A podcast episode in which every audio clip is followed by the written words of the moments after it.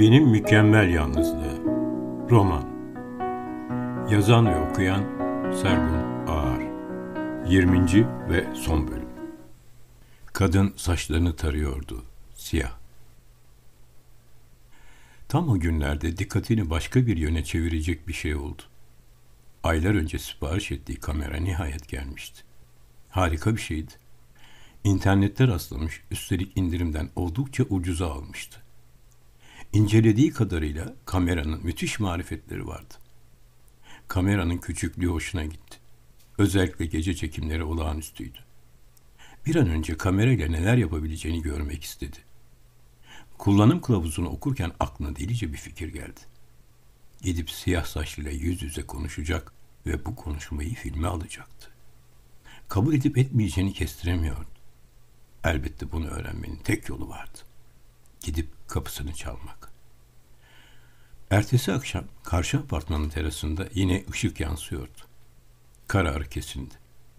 Ne olursa olsun bu çılgınlığı yapacaktı. Bunun dışında başka hiçbir şey düşünemiyor, kendine engel olamıyordu. Çekim hazırlıklarını tamamladı, evden çıkarken kendini çekmeye başladı. Adamın yüzünde tuhaf bir gülümseme vardır. Karşı apartmanın bahçesinden geçip hızla merdivenleri tırmanır. Zili çalmasının ardından kapıyı siyah saçlı kadın açar. Demek sizsiniz. Şu karşı apartmanda oturan. Öyle ya, her akşam ne zaman terasa çıksam gözlerinizi dikip beni seyrediyorsunuz. Evet, ancak bu akşam cesaretimi toplayıp sizi görmeye geldim. Kadın öfkelenmiştir. Lütfen kamerayı durdurun. Ama ben ne zamandır sizi çekmek istiyorum. Kadın geriye dönüp masanın üzerindeki şarap kadehini alır, bir yudum içer. Alaycı bir gülümsemeyle. O niye? Sizi görmediğim zamanlarda görebilmem için. Yapmayın bunu. Bu çok saçma. Üstelik de terbiyesizlik. Sizi ilk kez saçlarınızı tararken görmüştüm. Siyah, uzun saçlarınızı. Evet, kimi zaman saçlarımı terasta tararım. Bunda ne var?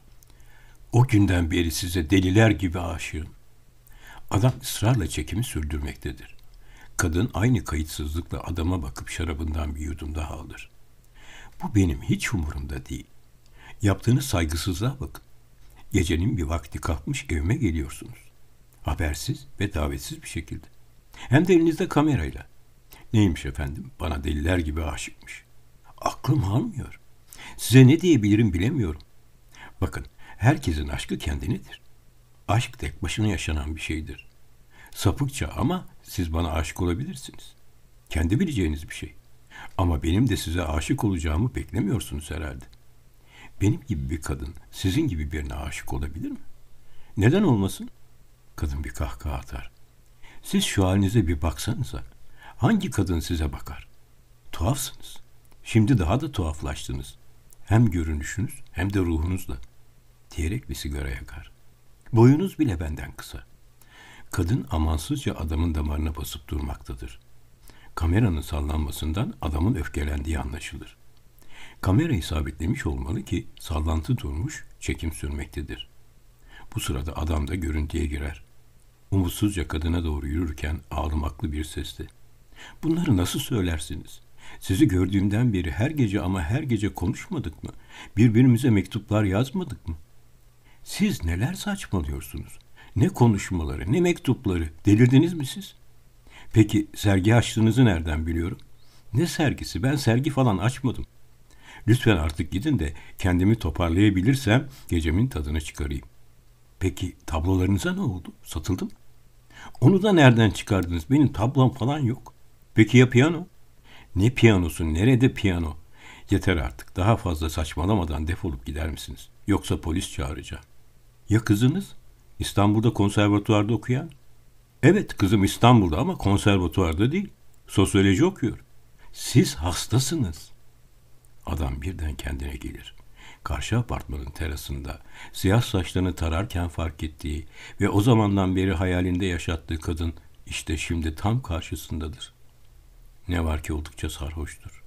Üstelik aralarındaki konuşma hiç de umduğu gibi geçmemiştir. Adam, peki madem istemiyorsunuz o halde gidiyor diyerek kameraya doğru gelirken kadın sallanarak terasa çıkar gidip demirlere yaslanır. Adam gitmek üzereyken Geriye dönüp kadına bakar. Birden yüzü değişir, bakışları bir gariptir. O anda aklından başka bir şey geçmiştir. Gitmekten vazgeçer. Kameranın önüne gelir, objektife bakarak konuşur. Mahkumun dediği gibi, o yok olmadıkça ben kendim yok oluyorum. Üstelik onu sessizce yok etme fırsatını bana kendisi verdi. Hadi durma. Bir anda döner, hızla gidip kadını tuttuğu gibi terastan aşağı atar. Bedenin betona çarpan sesi duyulur. Adam aşağı kadına bakıp bir süre etrafı kolaçan eder. Sokağın çoğu yazlıkta olduğu için kadının düşme sesine kimse çıkmamıştır. Adam gerisin geri geldiğinde görüntü kararır. Yüzünde delicesine bir gülümseme vardı. Bir süre düşündükten sonra hızla kamerayı toparlayıp evine koştu. Kilitli çekmecesinden çıkardığı dörde katlanmış kağıdı açıp üzerindeki şiire bir göz gezdirdikten sonra bir zarfın içine koyup üzerine kızıma diye yazdı. Hiçbir iz bırakmamaya çalışıyordu. Tekrar koşarak siyah saçlının evine gitti. Zarfı masanın üzerindeki vazoya dayadı. Hızlı bir şekilde evde dokunmuş olabileceği ne varsa dikkatlice sildi. Kendisine ait bir şey kalıp kalmadığına baktı. Ardından tekrar aşağı inip kadına doğru giderken telefonla ambulans çağırdı. Kadının yanına geldiğinde yüzünü çevirdi. Kafa üstü çakılan kadının yüzünün bir yanı cüzzamlı hastalardaki kadar ürkütücüydü ve göz çukurlarından biri boştu. Adam kulağına doğru eğilip artık bitti dedi. Hayallerimde ve hayatımda sana tutsaklığım bitti. Bundan böyle bir roman kahramanından başka bir şey değilsin. Ambulansın ardından polisler de geldi. Adam kaldırımda otururken yanına bir polis yaklaştı. Polis daha bir şey sormadan karşı apartmanda oturduğunu, o sırada balkondan içeri girerken bir düşme sesi duyduğunu, dönüp baktığında orada yatan kadını görünce yanında gittiğini ve ambulans çağırdığını anlattı. Polis görgü tanığı olarak ifadesinin alınacağını, bir süre bir yere ayrılmamasını söyledikten sonra diğer polislerle birlikte arabalarına binip gitti. Siyah saçlıyı o siyah torbanın içine koyduktan sonra taşıdıkları ambulansla hareket etti. Adam ayağa kalkarak bir süre ambulansın ardından baktı. Apartmandan içeri girdi. Siyah saçlının ölüm haberi gazetelerde yalnız yaşayan kadının şüpheli ölümü diye yer aldı.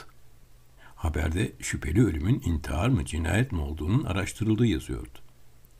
Polis önce intihar diye düşünse de daha sonra soruşturmayı derinleştirmişti.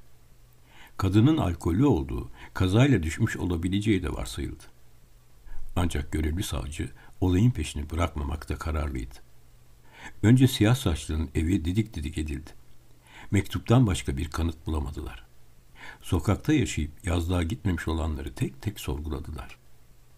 Fotoğrafçıdan başka kimsenin bir şeyden haberi yoktu. Savcı tek görgü tanığını evinde iki kez daha sorguya çekti. O da her seferinde aynı şeyleri anlattı. Hem de büyük bir soğukkanlılıkla. Savcı pek ikna olmamış gibiydi. Alt kattaki komşusu Sevgi Hanım'ın o sırada yazlıkta olmasına rağmen döndüğünde siyah saçlı kadının hiç de intihar edecek biri değildi şeklindeki ifadesi savcıyı iyice kuşkulandırmıştı. İşte o sırada garson kız devreye girdi. Dönmüş ve fotoğrafçıdan olayı öğrenmişti. Savcının onun bu kadar üstüne gitmesini anlayamamıştı. Ancak rahat bırakması için o gece fotoğrafçının evinde olduğunu, onun yardım istemek için ambulans çağırdığını, kendisinin olaydan çok etkilendiği için şok geçirdiğini, bir süre kendine gelemediğini anlattı. Savcının elinde başkaca bir kanıt yoktu. Raporunda olayın intihar olduğunu yazmak zorunda kaldı. Garson kızın tanıklığı yanında kadının bıraktığı şiir de kanıt sayılmıştı. Sonunda dosya kapandı. Birkaç gün sonra fotoğrafçı ortadan kayboldu. Uzun bir süre ortalıklarda görünmedi. Yazın ilk günleriydi. O akşamüstü fotoğrafçı elinde bir bavulla Yasemin kokulu sokağın köşesini dönüp evine doğru hızlı adımlarla yürüdü. Bahçe kapısına geldiğinde bir an başını kaldırıp karşı apartmanın terasına baktı. Merdivenleri tırmanırken alt kattaki komşusu Sevgi Hanım kapıyı açıp ''Hoş geldiniz, ne zamandır yoktunuz?'' diye karşıladı. ''Evet, bir süredir rahatsızlığım nedeniyle tedavi görüyordum. Geçmiş olsun, şimdi nasılsınız?'' ''Daha iyiyim.'' Bir an aklına gelmiş gibi ''Sevgi Hanım, şu karşı apartmanın terasındaki kadın, hani siyah uzun saçlı.'' ''Evet, saçlarında tek bir beyaz yoktu, Niye sordunuz? Merak ettim de. Kadın bir an tereddüt etti. Yüzünde kuşkulu bir ifade belirdi. İntihar etti dediler ama ben inanmadım. Polise de söyledim ama bıraktığı mektuptaki şiirini de anlamadılar. Kadının bakışları hoşuna gitmemişti. Yazık olmuş. İyi akşamlar diyerek merdivenlere yöneldi. Eve girer girmez ne zamandır kapalı duran salonun perdelerini sonuna kadar açtı. Rastgele bir plak seçip pikaba koyduktan sonra uzun zamandır ayrı kaldığı bilgisayarın başına oturdu. Ekranda kadın saçlarını tarıyordu, siyah. Güneş kadının saçlarını taradığı terasın camlarında parlıyordu. Kadın saçlarını tarıyordu, siyah, uzun. Kah başını öne eğiyor, saçlarını sarkıtıyor, kah başını geriye atıp uçuruyordu. Kadın saçlarını tarıyordu, siyah, uzun, ıslak. Yasemin kokulu sokaktan geçenler kadını fark etmiyordu. Yazısı belirdi. Ardından sayfalar akmaya başladı. Yazdığı romanın sonuna gelmişti. Parmakları bilgisayarın tuşları üzerinde hızla dolaşmaya başladı. Fotoğrafçının ortalarda görünmediği sıralarda garson kız yalnızlığım adını verdiği bir kafe açmıştı. Kafe dolup taşıyor, daha önce çalıştığı yerdeki müşteriler şimdi oraya geliyordu. Fotoğrafçı evden çıkıp yalnızlığım kafenin yolunu tuttu. İçeri girdiğinde garson kız barın arkasında bira servisi yapıyordu. Bara yanaştı. Bir bira da ben alabilir miyim? Garson kız neredeyse çığlık atacaktı. Yerinden fırladığı gibi geldi boynuna sarıldı. Koluna girip arkadaki ofise götürdü. Oturduklarında ilk konuşan garson kız oldu. Sizi nasıl özledim bilemezsiniz. Ya ben? Her gün sizi unutmaya çalışıyordum. Ya bir daha göremezsem diye. Bunu nasıl söylersiniz? Bense her gün sizi düşünüp durdum. Ne zaman geleceksiniz diye. Şimdi söyleyin bakalım. Neler oluyor? Romanı bitirdim. İşte bu harika. Hayatımın en önemli amacıydı. Babam şimdi benimle gurur duyabilir. Siyah saçlı yana oldu. Sonunda onu öldürdüm. Bu finali beklemiyordum. Yoksa romanı bitiremezdim. Şimdi söyleyin bakalım. Bu roman ne hakkında? Bana göre ikimiz hakkında. Yani aşk hakkında. Hayal ve gerçek hakkında. Gece ve gündüz hakkında. Karanlık ve ışık hakkında. Ayrıntıları okuyunca öğrenirsiniz. Demek bu kez tedavi işe yaradı.